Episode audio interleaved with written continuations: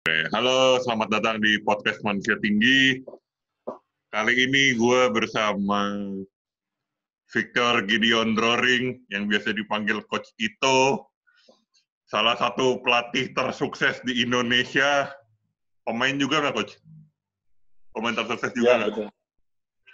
Ya, lumayan. Eh, Coach Ito ini juara 10, 11 kali sebagai pelatih. Sebagai pelatih apa nih? Klub maksudnya? Ba- Iya, pelatih klub. Eh, uh, banyak step. SM lupa. juara SM, ya, SM. 8 Terus kali juara sama SM, sama Pelita Jaya, dan saya sebagai Pac-Man sebenarnya sebel sama Coach Ito karena Coach Ito nggak ngelatih aspak. karena karena eh, setiap setiap apa setiap aspak SM di seri Jakarta tuh pasti pasti pasti yang menang SM dan sebel gitu Coach. Oke, eh Coach Ito pertanyaan pertama, how do you describe aspak versus SM di era Coach Ito dulu? Pastinya selalu menyenangkan ya, selalu apa namanya challenging selalu pasti. Karena zaman dulu itu sebelum SM mendominasi memang Aspak tuh tim yang apa istilahnya, yang yang pengen di dikalahin oleh semua orang gitu kan, karena memang Betul. dominasinya Aspak yang luar biasa sebelum-sebelumnya ya kan dan pasti semua tim tuh ingin ngalahin Aspak. Kalau yang ngalahin Aspak berarti dia menjuarai Indonesia kan itu kira-kira. Jadi Ya.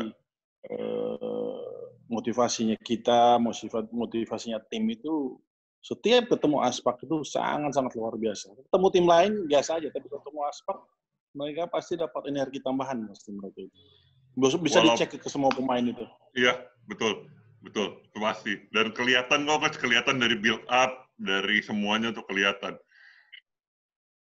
Eh, terus, gimana cara Coach itu merubah eh, SM dari yang awal 2000-an, yang empat tahun beruntun aspak juara itu, tiba-tiba SM jadi mendominasi itu, apa yang Coach Ito lakukan di SM?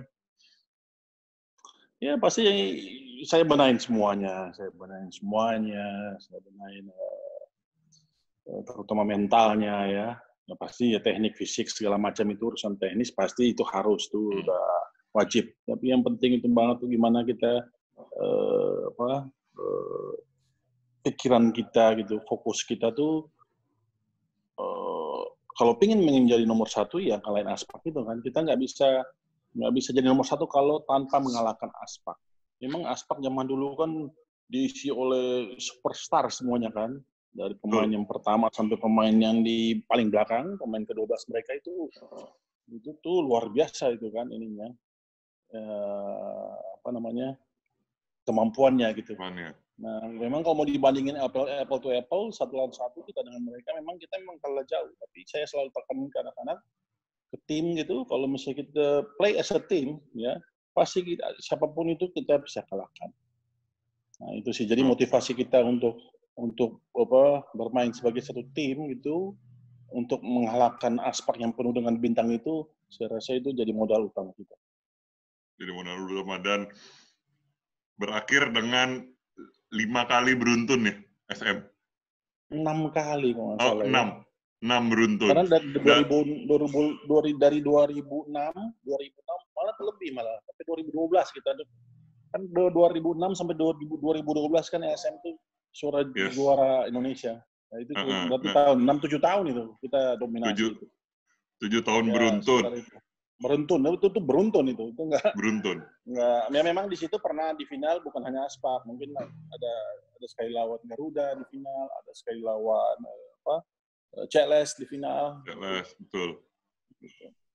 Nah, itu coach maksudnya eh, kan itu perubahannya jauh banget ya. Eh, saya saya sendiri sebagai awalnya Pac-Man dan jadi akhirnya penikmat basket Indonesia itu saya ngelihat SM tuh kayak eh, superior gitu kayak the one and only. Jadi kalau udah lawan SM, ah udahlah SM, ah udah gue nggak mau lagi deh, gue nggak mau nonton. Misalkan SM lawan CLS gitu, ah udah SM juara lah, ah udah SM menang lah. Nah, uh, itu apa ya? Pertanyaannya masih balik ke game, kan banyak pemain-pemain baru tuh, uh, mulai dari mm -hmm. yang saya yang saya kagumin di SM tuh ada trio Faisal, uh, Amin, sama -hmm. Agung itu saya uh-huh. saya salut sama sama Agung sebenarnya. Agung tuh ngingetin uh-huh. saya sama uh, Tyson Prince karena mainnya luwes banget, enak dan uh-huh. Faisal itu kan bisa dibilang pemain paling dibenci di IB, uh-huh. di basket Indonesia karena uh-huh. songongnya wah uh-huh. gila itu kalau gayanya kalau kalau udah kalau udah di lapangan tuh kayak apalagi pas lawan pas lawan Aspak gitu saya inget banget tuh kayak ah Faisal nyebelin nih, aduh ya Allah gue gak mau lihat Faisal nih, gue sebel sama Faisal. Begitupun dengan Mas Amin. Nah, uh, resep di belakang dapurnya Coach Ito tuh kayak apa sih sampai menciptakan pemain-pemain kayak gitu? Bahkan waktu generasi, waktu regenerasi pun tetap seperti itu. Ada Yobel, ada Mario Dodo. sempat sama Coach Oh ya, ada Dodo, Mario. Sama Dodo. Dodo terus Wisang tuh udah tahun terakhirannya dia dia main di IBL aja. Oke, okay, terus ada kemudian Arki. Arki. Kemudian ya. Famiga. Famiga Michelle. Nah, terus, itu ke Cito menemukan mereka tuh prosesnya gimana sih? Jadi yang yang yang yang yang setelah kita bisa meruntuhkan aspak ceritanya ya, setelah kita bisa mengalahkan aspak dan kita mendapatkan mentalnya gitu ya, bahwa kita itu apa adalah juara Indonesia gitu. Uh, target selanjutnya adalah kita bukan sekedar juara aja, tapi selalu yang saya tekankan ke tim dan anak-anak juga jadi ininya kita, jadi moto kita adalah mendominasi, dominasi, okay. gitu. Jadi apa namanya, uh, bukan hanya sekedar juara. Waktu itu kita uh, apa namanya Eh, bersama-sama gitu. Uh, setiap kesempatan kita mau pingin menang gitu. Jadi menangnya yes. juga benar ya itu saya bilang tadi kita pingin dominasi dan dominasi itu harus kita bikin gitu harus kita buat ya untuk menjadi legacy kan gitu. Dan apa ya ini kan kerjaan kita semua eh, setiap member tim itu pemain, official, pelatih segala macam mengerti banget bahwa ini pekerjaan kita. Kita akan dapat bagus hasilnya kalau kita menang, kalau kita juara, kan gitu. Jadi kita benar-benar itu yang kita kejar. Jadi bukan hanya sekedar juaranya ya, yang itu yang saya bukan hanya sekedar juaranya, tapi mendominasi dan mendapatkan hasil daripada pekerjaan kita ini. Nah, itu menjadi motivasi kita setiap tahun dan itu tidak pernah berhenti. Zaman itu ya namanya mental kita tuh determinasi kita ya seperti itu. Oke, okay, coach. Next next question ini agak penting sih, agak ini ini ada satu pertanyaan yang pengen ditanyakan. Gimana rasanya menang juara di Britama Arena bersama PJ? Oh, um, uh, apa namanya ya? Setiap kemenangan tuh pasti eh punya arti, punya arti ya. Iya. Saya rasa uh, dalam hidup saya saya punya sangat beruntung, saya hmm. sering menang. Eh. Banyak iya, kemenangan ya, saya gitu. Kadang-kadang saya sampai lupa. Terlalu sering menang. Tapi itu yang saya kejar. Setiap saat, setiap waktu itu yang saya kejar. Hmm. Gitu. Dan yeah. saya nggak pernah puas dengan itu. Saya nggak pernah puas dengan itu. Kalau ada kesempatannya, saya ingin menang lagi, saya ingin juara lagi. Nah itu itunya okay. itu saya gitu. Kalau kamu tanya artinya ya pastinya berarti sekali. Tapi menurut dengan, saya artinya itu juga dengan arti-arti kemenangan yang lainnya saya rasa sama gitu ya. Jadi nggak ada bedanya. Saya, jadi nggak ada bedanya menang lawan SM di kandang mereka tuh sama aja gitu coach. kan main questionnya itu. ya pasti ada kebanggaan, ada kebanggaan kita main di kandangnya SM. Tapi hanya segitu aja sih menurut saya. Tapi kalau misalnya kita rasa, oh saya gimana saya sih menurut saya sama rasanya tuh sama so akhirnya pulang juga ya saya ingat-ingat lagi saya pikir-pikir lagi ya, menang rasanya gini, ya. hanya rasa kayak gini lah, kayak plong aja. Asal kamu Ah, tahu aja, iya. setiap saya menang saya juara. Itu tuh karena kita kan sebelum final itu, sebelum puncak itu, adrenalin kita tuh kan tuh kenceng banget itu Iya, kan.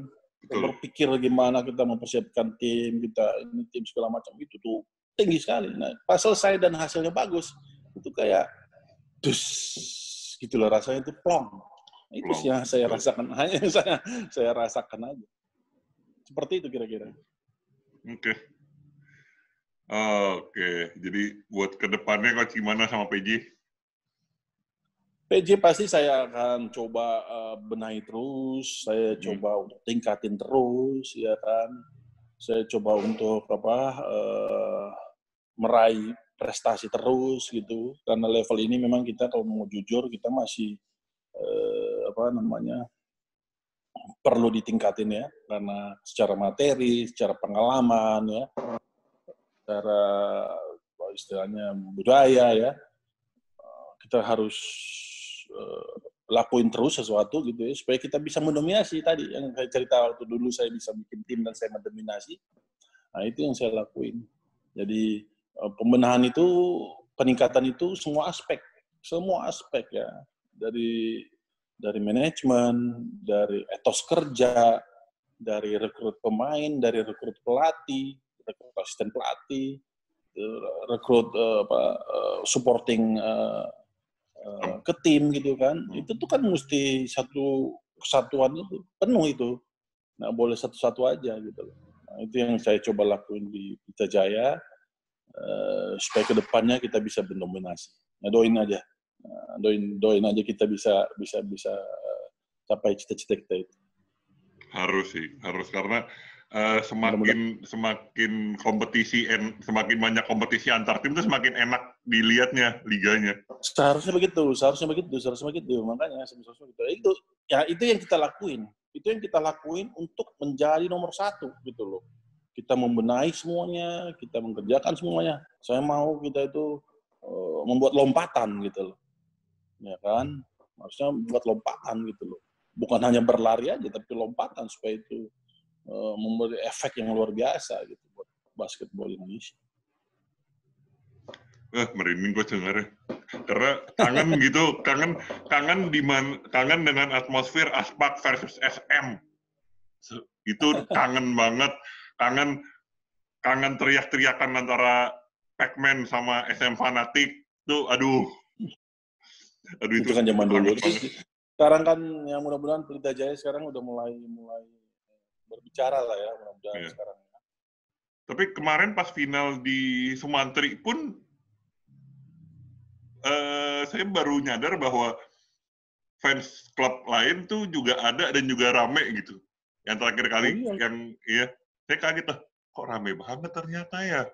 Oh ternyata nggak cuman SM fanatik sama Pac-Man doang ternyata sih gitu coach. Oh rame, oke dan PJ juga dilihatnya enak, SE ngasih nggak apa ngasih perlawanan nggak kayak yang dulu kayak SM SM ketemu ini ya udah SM Udah pasti menang gitu ya. Oh, enggak, Iya. enggak. apakah ah, nanti eh, orang akan ngomong ah PJ udah pasti menang apakah akan seperti itu Ya mudah-mudahan kayak ya itu kan udah kayak kamu bilang tadi itu udah di taraf kita mau dominasi tapi sekarang kan kita belum mendominasi ya kan belum menurut saya kita belum. Ya, nah, ya, mudah-mudahan kita target kita saya target saya juga pribadi ya ke arah sana. Ya, pengen kita selalu mendominasi oh ya ngomongin itu coach. Selama corona pelatihan gimana coach? Latihan kita latihan mandiri online gitu ya. Kita sekarang Hah? pakai sekarang lumayan zoom ini kan udah sangat menolong kita semuanya ya.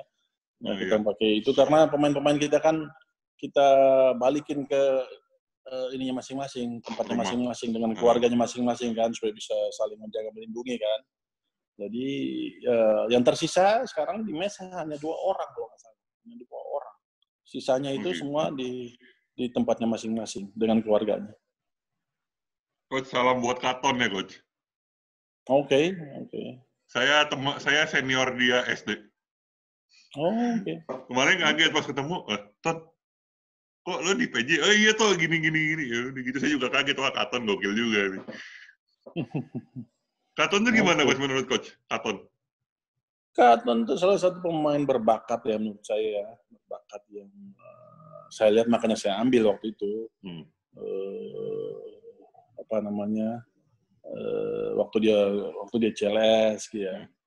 Saya saya terkenang sekali bagaimana dia bermain dan dan apa uh, menurut saya itu hanya kesempatan aja sih yang dia perlukan untuk membuktikan bahwa dia itu punya potensi yang luar biasa itu. Uh, dan dia juga tetap dia harus kerja keras. Jadi nggak bisa dapat kesempatan itu tanpa tanpa kerja keras. keras kan harusnya kan. Nah, harusnya kerja keras dan dia harus uh, bisa bisa menunjukkan potensinya. Oke, okay. ngomongin kerja keras. Kalau dia nggak berpotensi, kalau dia nggak berpotensi pasti saya nggak akan ambil dia pasti. Oh pasti, iya gitu kan. sekarang sekarang menutup uh, ngomongin kerja keras tadi kan banyak an, udah mulai banyak anak-anak muda sekarang anak SD, anak SMP itu main basket coach. Menurut uh, coach Ito ini jalur yang tepat untuk mereka supaya bisa sampai ke level liga profesional tuh syar, uh, sarannya gimana? Um, betul, sangat-sangat setuju gitu karena sekarang banyak sekali karena saya juga kan punya tim ya, saya punya tim, oh, saya iya. punya akademi bola basket juga, iya. saya juga punya tim kecil gitu ya, tim latihan gitu. Ya betul, uh, menurut saya pembinaan bola basket usia dini di Indonesia lumayan bagus ya, udah udah berkembang lumayan bagus dan saya saya harapkan juga uh, ke depannya ya Indonesia akan semakin lebih bagus. Karena saya melihat, karena saya kan selalu ke tempat-tempat uh, apa uh, level itu kan. Gitu. Saya juga bawa tim tanding ya kan. Saya lihat uh, uh, kompetisi kelompok umum, kelompok umum itu banyak sekali bakat-bakat yang luar biasa menurut saya. Dan ke depannya pastinya kalau ini konsisten kita lakuin terus, saya yakin, saya, saya yakin yakinnya bahwa kita akan uh, bisa uh, apa namanya menyaingi Filipina, level Filipina. Ya cuman memang eh, semua aspek harus didukung gitu loh, eh, terutama dari PB Perbasi ya, harus membuat eh, apa istilahnya ya, eh, suatu kerangka atau yang yang mendukung itu, ya. Nggak boleh hanya sekedar sekedar aja, nggak mm-hmm. boleh hanya begitu-begitu aja, harus membuat terobosan-terobosan seharusnya, ya. Terobosan tuh diperlukan untuk mengakselerasi gitu. Kalau hanya hanya uh, bisnis as usual gitu kita ya akan jadi biasa-biasa saja gitu loh. Tapi harus membuat terobosan. Nah terobosan itu apa? Ya mereka harus pikirin juga. Gitu kan? Gitu. Ya itu itu itu yang itu yang dilakuin oleh NBL dengan DBL-nya DBL ya. itu saya itu terobosan. Itu kan contoh. Contoh terobosan yang luar biasa kan yang dilakuin oleh di luar perbasi di luar itu kan eh, organisasi institusi yang ber, di luar perbasi nah, itu kan suatu terobosan nah seharusnya banyaklah banyak hal yang bisa dibuat itu buat terobosan supaya eh, kita mengakselerasi ini eh, apa, kemajuan bola basket Indonesia. Oke. Okay. Segmen penutup mau lima starting five impian coach Ito. Starting five impian. Basket starting five. Sekarang, dulu, akan datang, NBA, all time. Indonesia yang mana? Indonesia all time. All time. Indonesia all time. Iya. Yeah. Bisa memasukkan diri sendiri kok. Hah? Bisa memasukkan diri sendiri. Kalau di sini nggak boleh dong. Itu itu terlalu narsistik namanya. Satu Roni Gunawan. Saya sangat oh. ngefans dengan Roni Gunawan. Roni Gunawan. Eh, Robin tuh posisi lima ya, posisi center.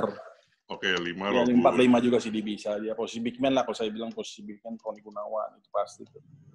Terus um, kemudian empat Mario Wisang. Satu berarti ya? saya. Hah? Wusang itu satu kan? Ya, posisi satu. Okay. Menurut saya Wusang posisi satu. Posisi satu Wusang, posisi lima Roni Gunawan, terus posisi um, Arki Wisnu menurut saya. Arki itu main di mm, berapa? Empat, tiga? Arki, saya kalau mainin Arki itu satu dua tiga empat lima kadang-kadang. Oh, really? kalau orang player, player dia menurut saya ya. Uh. ya. Tapi dia bisa main di dua ya, di tiga. Okay. Seringnya di tempat juga. Jadi dia satu sering banget saya main dia sebagai poin poin enggak. Kalau okay. kamu kan bilang lima ya, Mario Wisang, uh. Arki Wisnu, Roni Gunawan, ada tiga. Terus saya mau uh, Muhammad Rifki. Muhammad Rifki. Kamu tahu Muhammad Rifki? Enggak, Kamu nggak tahu. itu zaman saya itu pemain pemain itu teammate saya itu di klub maupun di timnas. Okay. Kamu cari, kamu Google deh. Ada nama pemainnya namanya Muhammad Rifki. Saya tahunya Om Amran, Coach. Om Amran tuh ya ini di atas saya sedikit tapi coba kamu Google lah namanya pemain Muhammad Rifki. Yeah. Oke. Okay. Itu, itu, itu saya. Yang terakhir? Terakhir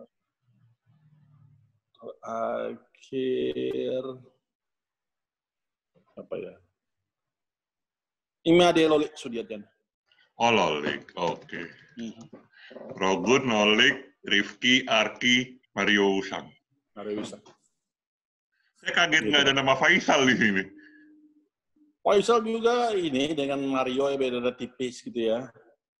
Faisal luar biasa. Faisal tuh pemain saya, salah satu pemain favorit saya juga Faisal itu pastinya. Main itu pemain saya paling benci coach asli benci banget tiap lawan tiap lawan Aspak tuh yang tanya kada, kalau kamu mau tanya cadangannya Merewisan ya Faisal Ahmad itu. Kalau kamu mau pilih ya kalau kita saya bisa bisa bikin satu tim lagi ya satu cadangannya Merewisan ya Faisal Ahmad. Oke. Okay. Terus wow. cadangannya si Muhammad Rifki, Yobel Sondak, ya kan yang cadangannya ya. si Arfi ada Amin Prihantono, ya kan. Cadangan Loli ada Williamson Sitomorang, ya kan. Cadangannya Roni ada Dodo. Jadi mendingan saya bikin lima deh, ya, apa dua tim deh. ya kan. Jadi kalau, kalau kalau kamu mau tanya lagi eh, tim berikutnya jadi tadi ya. lima kedua nih, jadi second team ya. Tadi kan first team, uh, ini second team saya yeah. tuh Faisal, Yobel, Amin, Williamson Sitomorang, Christian uh, Stepu. Ya. Itu all time saya. Wow. Wow. Rogun, Loli, Muhammad Rifki, Arki, Mario Busang, kemudian ada Dodo, Williamson Situmorang, Yobel Sondak, Amin Prihantono, dan Faisal. Oke, okay. mantap. Ini kalau dibikin jadi satu tim, oh udah coach, pas udah datang, ah udah dipulang nih nah itu, itu kan saya sempat melatih mereka kan, yang nyaman 2007 yeah. waktu kita Indonesia pertama kali medali perak kan itu kan saya melatih mereka itu, ya itu mereka mereka itu. Ini nama-nama serem-serem semua, apalagi Rogun. Hmm. Oke, sekian coach. Terima kasih udah 45 menit ternyata. Terima kasih banyak. Sampai ketemu di episode. Eh, sorry coach, ada satu yang lupa penutup biasanya di, di podcast saya ini uh, penutupnya itu dari tamu hmm. closing statement terserah mau mau apa pun dari tamu closingnya oke okay. ya terima kasih untuk kesempatannya buat saya ini kita ngobrol tentang bola basket Indonesia karena saya itu sangat sangat senang membicarakan ya kan perkembangannya bola basket Indonesia. Karena uh, di sinilah bidang saya di sinilah passion saya gitu ya. Yang mana uh, harusnya kita semua untuk sama-sama membangun bola basket Indonesia. Dan mudah-mudahan ke depannya bola basket Indonesia itu tanpa jatan tanpa bagus tan tambah berprestasi ya mudah-mudahan dan uh, apa namanya baik untuk semua orang. Oke, terima siap. kasih. Terima kasih Coach. Sampai ketemu Sama -sama. di episode selanjutnya.